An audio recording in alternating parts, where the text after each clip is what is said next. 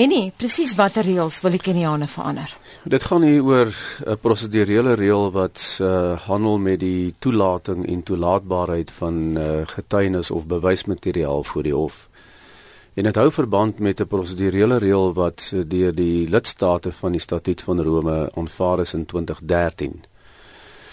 Die hof beskik oor verklaringe wat destyds afgeneem is van getuies wat betrokke was by die geweldpleging 2008-2009 of wat dit waargeneem het.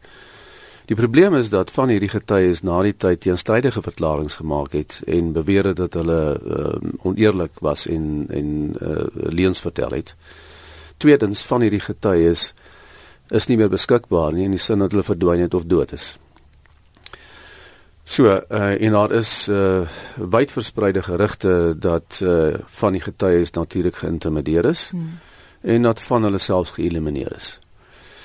So wat die hof mee te doen het nou is of hierdie verklaringe wat destyds afgeneem is toegelaat kan word want die prosedurele reël waarvan ek praat maak voorsiening daarvoor onder andere dat sulke is is ehm um, verklaringe toegelaat kan word mits die persoon wat die verklaring gemaak het daartoe toestem maar die persoon is nie meer daar om te doen nie. So en dit is waaroor die stryd nou gaan tussen die Keniaanse regering uh, en die hof want uh, dit lyk vir my as ek die berigte reg verstaan dat daar pogings is van die uh uh die vervolgingsgesag uh, by die internasionale strafhof om van hierdie verklaringe wel in te dien as getuies in die huidige verhoor teen uh vice-president Ruto. En dis waar dit hulle beswaar maak. Maar ek moet dit baie duidelik stel, dit gaan nie dis nie vir die Keniaanse regering of vir die vir iemand anders om te besluit uh, of hierdie getuienis uh toelaatbaar is of nie. Nie die hof kan daaroor besluit. So as die vervolgingsgesag besluit om dit wel in te dien, uh dan kan die Keniaanse regering in die normale uh, verloop van die verhoor beswaar maak daarteenoor. En dan moet die hof besluit of hierdie uh verklaringe uh, toegelaat kan word al dan nie besluit die hof dat dit wel toegelaat kan word, dan kan die Keniaanse regering daarteen appeleer en die normale uh, regsprosedure volg in hierdie verband. Die Keniaanse president Uhuru Kenyatta is nogal uitgesproke. Hy het hierdie week weer gesê herhaaldelik hy's nou moeg van die internasionale strafhof se inmenging, soos hy dit beskou in sy land se sake. En die groot vraag is, gaan die Keniane hulle sin kry? Wat dink jy?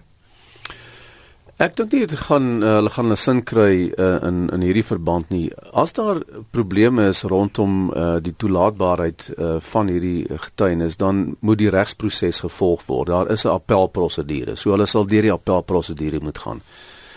Tweedens is nie vir hulle om 'n uh, verandering van die reël mee te bring nie. Die reël kan net verander word as al die lidstate van die statuut van Rome ehm um, daaroor besluit uh, tydens hulle hulle gereelde vergadering.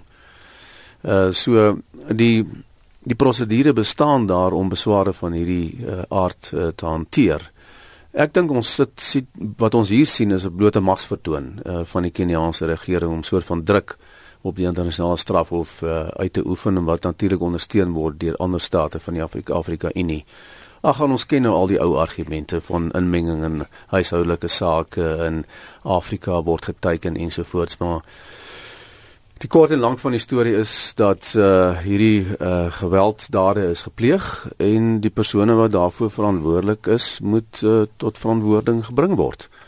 Ehm um, en die regsproses moet nou maar sy verloop in hierdie verband neem.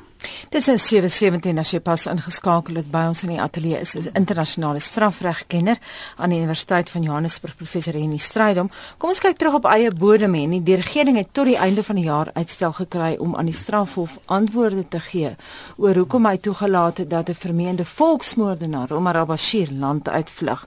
Maar nou lyk dit of hy weer op pad is Johannesburg toe mense praat van Desember Dis korrek. Uh, en daar is 'n belangrike ontwikkeling intussen uh, wat intussen plaasgevind het. Uh, die hof uh, in die toelaat van die uitstel tot einde Desember het dit baie duidelik gestel dat uh, in afwagting van Suid-Afrika se antwoord op die, in in hierdie geval bly Suid-Afrika onder die verpligting uh, om te voldoen aan sy verpligting in terme van die statuut van Rome naamlik om El Bashir te arresteer.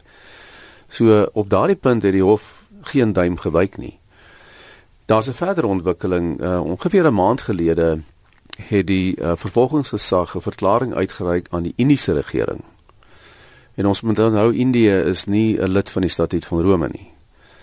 Uh en Indië daarop gewys dat uh Indië eintlik onder verpligting is om saam te werk met die hof ten einde al-Bashir te arresteer want op daardie stadium was daar sprake dat al-Bashir na Indië sou reis uh, om 'n spitsparade daarby te woon.